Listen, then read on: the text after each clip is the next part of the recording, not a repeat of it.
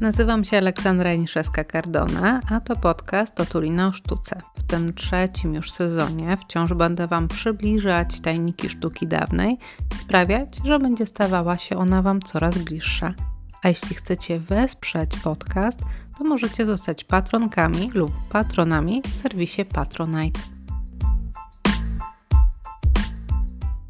Wydaje mi się, że obraz, o którym dzisiaj będę Wam opowiadała, to temat na krótką opowieść, ale przekonamy się sami, czy może mylę się w tej mojej ocenie. Dodatkowo dzieło to jest przedstawicielem malarstwa włoskiego. I właśnie o taką sztukę od czasu do czasu prosicie, żeby pojawiła się ona również jako bohaterka naszego podcastu.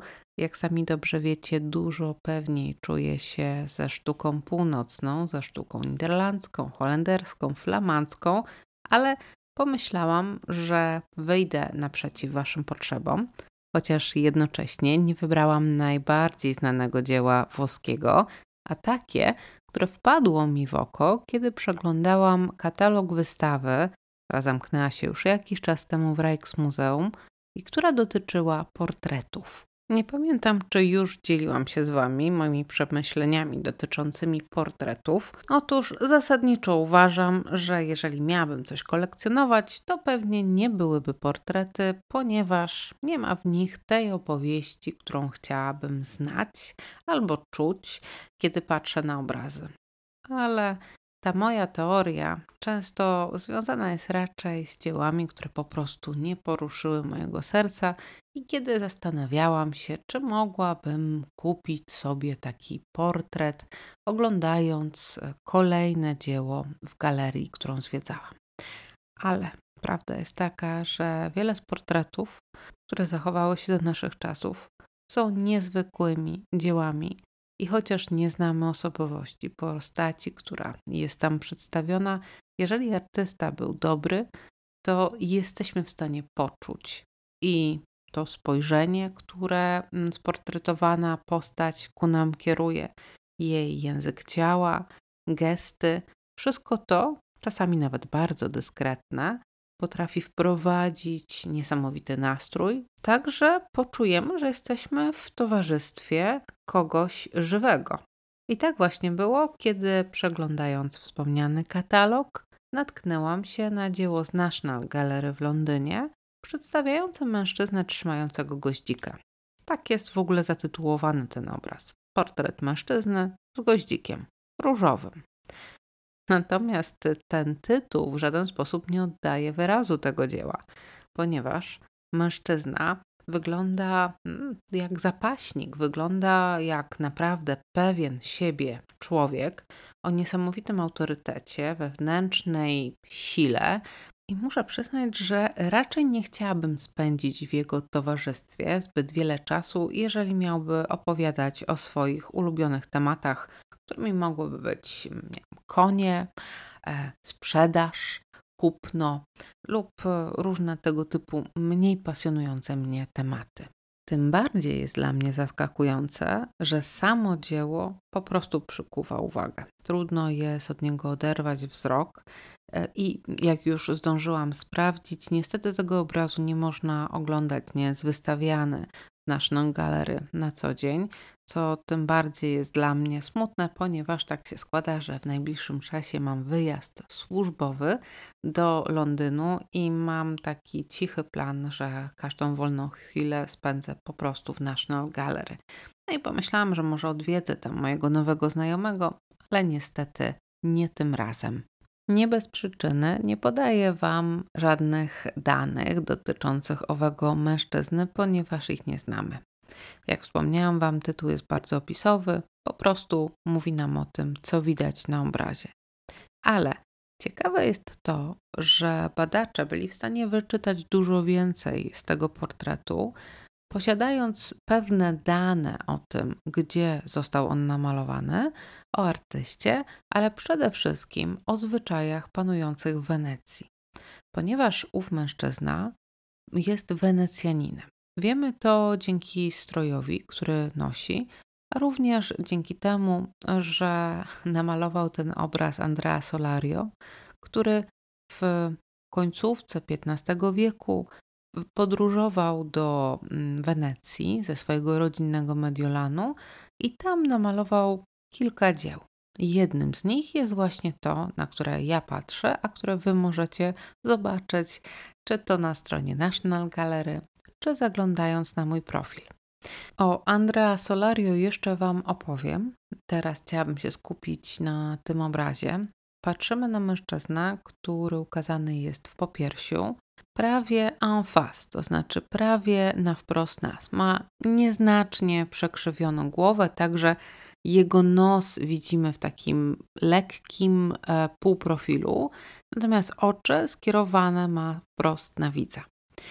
W prawej dłoni trzyma różowego goździka i wydaje się być bardzo dumny z tego, że trzyma go właśnie między palcami, prezentuje go nieomal z dumą nam patrzącym. Lewa dłoń spoczywa na takim czarnym pasie, który jest przewieszony przez jego ramię.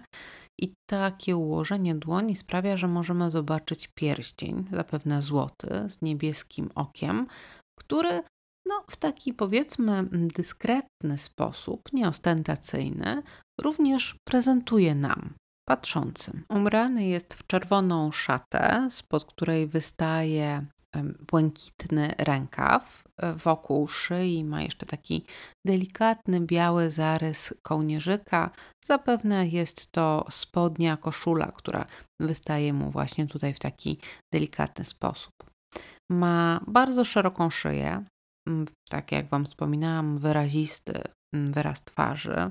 Wydaje się, że ma takie mocno zaciśnięte nawet szczęki, szeroką twarz.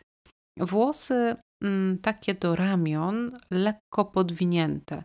Nie wiem, jak nazwać ten typ fryzury, ale często pojawia się on właśnie w dziełach ukazujących mężczyzn z końcówki XV wieku włoskich, więc na pewno jest to związane z ówczesną modą.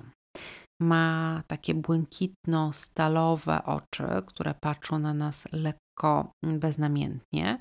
Co ciekawe, na głowie ma taki rodzaj czarnego beretu, może toczka, spod którego te włosy, które są widoczne, mają akurat na, na linii lewego oka taki srebrny pas, zapewne siwizny.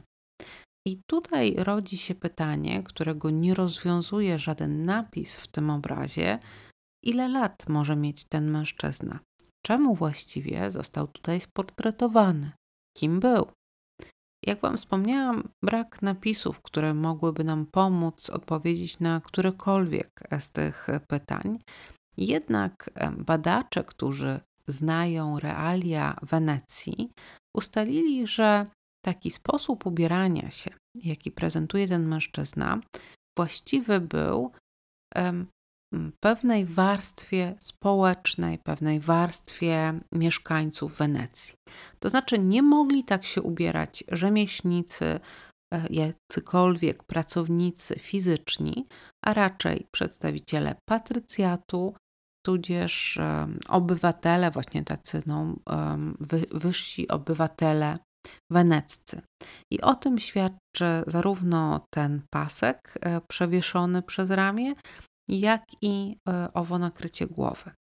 Natomiast czerwona szata, którą nosi ten mężczyzna, była charakterystyczna dla różnych zawodów, takich, e, czy też przynależności do różnych stowarzyszeń w Wenecji. Nie mamy tutaj znowu żadnego herbu czy jakiegoś wzoru, który mógłby nas naprowadzić o jakie stowarzyszenie mogłoby chodzić.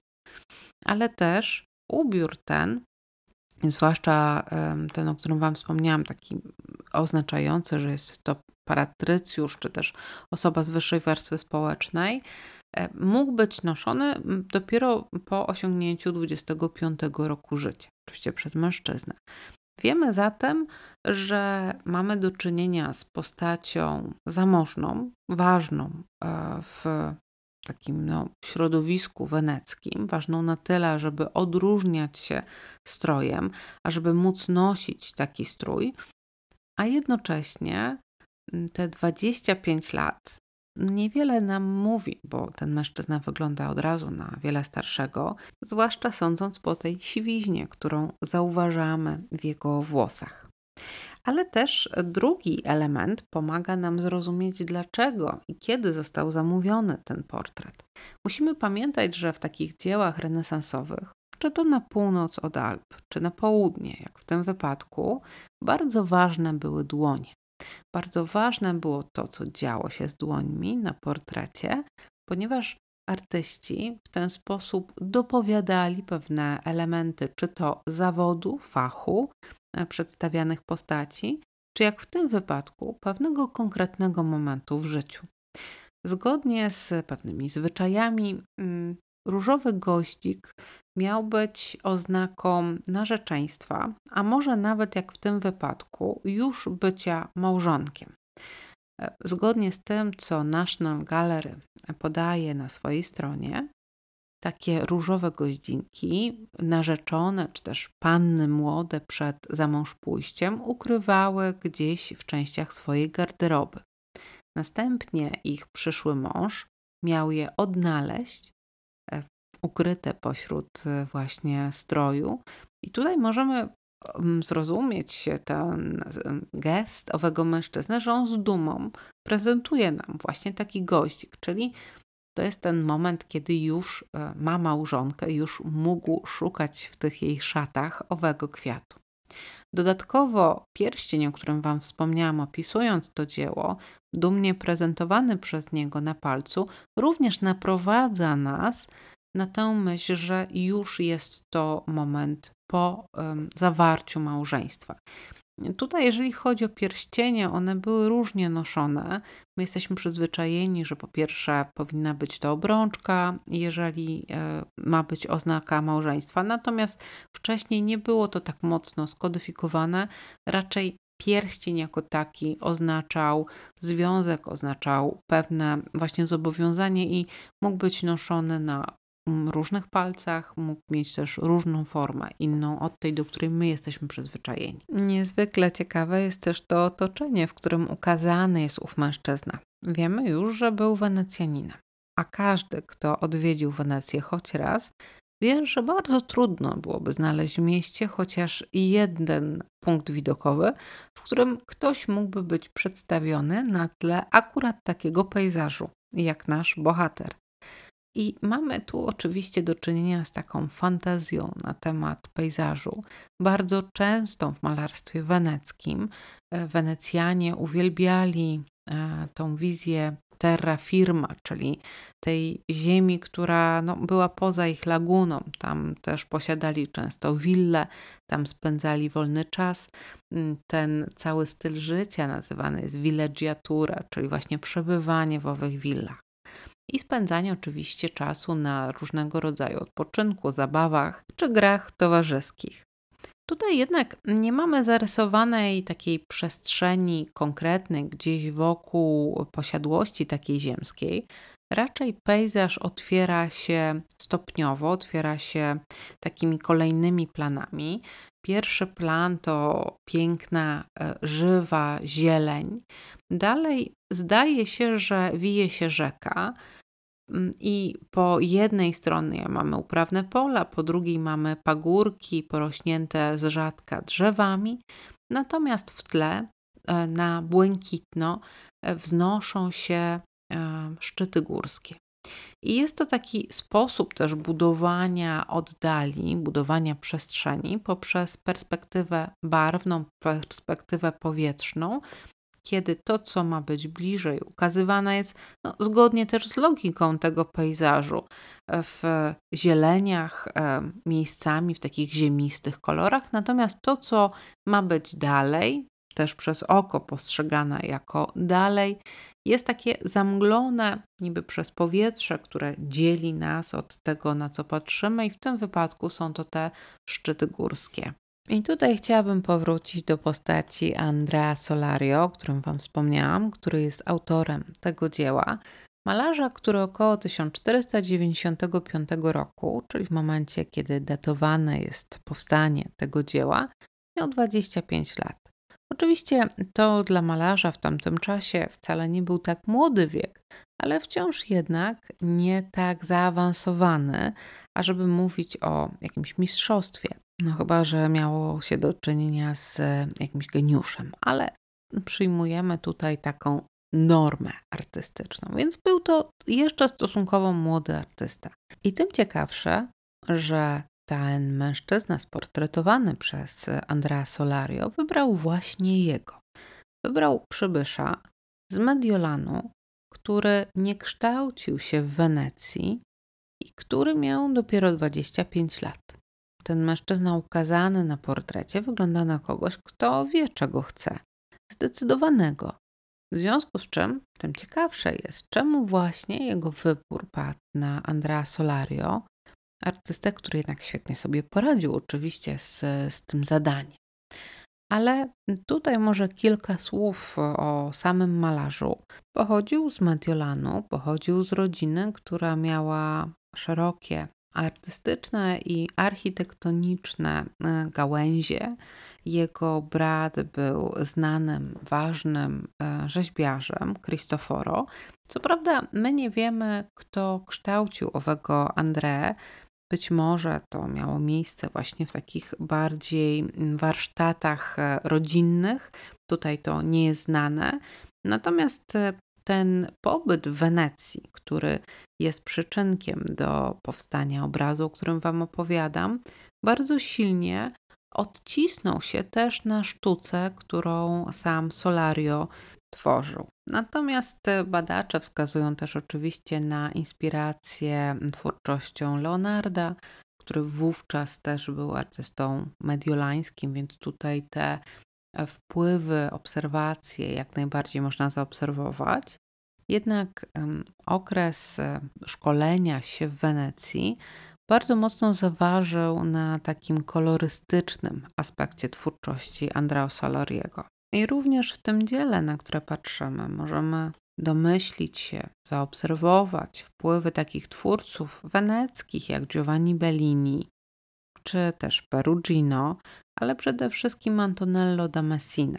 Czytelne to jest e, zarówno w doborze kolorystyki, takiej czystej, nieprzełamanej zbytnio, w jaskrawości kolorów, ale też w takiej tendencji do szczegółowości, zwłaszcza w pejzażu, bo da Messina był również zafascynowany sztuką niderlandzką, sztuką północną. Tutaj przypominam, to jest końcówka XV wieku i Włosi już zdążyli poznać, czy to twórczość Jana van Eycka, czy Rochiera van der Weydena, Hugo van der Husa. Te wszystkie dzieła docierały do nich, e, do Włoch i cieszyły się olbrzymią popularnością właśnie ze względu na swoją dokładność, na swoją precyzję oddawania rzeczywistości, ale również ze względu na e, różnice technologiczne, które wpływały na wyraz dzieła. I jak już może to wiecie, to malarstwo niderlandzkie było coraz lepsze, coraz bardziej sprawne w posługiwaniu się malarstwem olejnym, farbami olejnymi, które dają tę możliwość nakładania kolejnych warstw półprzeźroczystych, tak zwanych laserunków, i tworzenie iluzji um, takich różnych materii, jak um, szkło, jak um, szla, szlachetne kamienie, Coś, czego w tej technice, którą Włosi wciąż się posługiwali dużo częściej, dużo bardziej, czyli temperze, która jest bardziej kryjącym materiałem do malowania, no, inne efekty e, po prostu tutaj były uzyskiwane. I również e, to dzieło, o którym Wam opowiadam, to jest e, obraz malowany właśnie temperą jajkową. E, I tutaj dokładnie ta nazwa określa to, co jest spoiwem e, w takiej farbie. I te farby są dużo bardziej kryjące, chociaż patrząc na to dzieło, myślę, że niczym nie ustępuje w wartości artystycznej tym obrazom, które już mam nadzieję kojarzycie z tymi wymienionymi przeze mnie mistrzami niderlandzkimi. A kariera Andrea Solariego toczyła się dalej już poza Wenecją. I można powiedzieć, że wyniósł tą naukę koloru do właśnie no, z tego okresu weneckiego, jednak później skłaniał się bardziej w stronę fascynacji Leonardem. Tworzył też dla innych odbiorców, to znaczy tworzył w Mediolanie, potem tworzył we Francji dla króla francuskiego i rozwijał ten swój styl, ten swój język artystyczny zgodnie ze smakiem swojego patrona. I oddalał się w związku z tym od e, tych ideałów, które poznał, których nabrał właśnie w Wenecji. Ja muszę przyznać, że przyglądając się dziełom Andrea Solariego, i tutaj jest takie jedno jego dzieło, które znam od dziecka, ponieważ e, u mnie w domu była taka malutka reprodukcja przedstawiająca Madonnę z dzieciątkiem, i to jest Madonna z zieloną poduszką. Jest to dzieło, które znajduje się w Louvre. Ja długo nie wiedziałam ani kto jest autorem tego dzieła, ani gdzie ono tym bardziej jest. I choć autorem jest właśnie Andrea Solario, to mm, jest ono diametralnie różne od tego portretu, który Wam dzisiaj opisałam, który Wam dzisiaj przedstawiłam. Ma ono już sobie taką słodycz, wręcz graniczącą no, z nieznośnością. I to jest ta słodycz wyniesiona, zainspirowana dziełami Leonarda. I właśnie tutaj to miałam na myśli, mówiąc, że artysta podążył dalej, aby schlebiać gustom kolejnych patronów. Ja przyznam szczerze, że chociaż mam olbrzymi sentyment do tego dzieła Madonna z zieloną poduszką, to jednak dzisiaj wolę patrzeć w oczy owego mężczyzny znajdującego się w National Gallery w Londynie. Trochę stawiać mu również wyzwanie, ponieważ jego spojrzenie naprawdę jest stalowe. I to nie tylko za sprawą tych e, takich szaro-błękitnych oczu, ale całej tej postawy, całego wyrazu twarzy. Co ciekawe, kiedy przybliżycie obraz i przyjrzycie się, jak namalowane są usta tego nieustępliwego mężczyzny, nagle się okazuje, że one są namalowane takim najbardziej pudrowym różem, jaki możecie sobie wyobrazić. I z tą myślą pozostawiam Was dzisiaj. Mam nadzieję, że przyjrzycie się z bliska owemu obrazowi, a my słyszymy się za tydzień.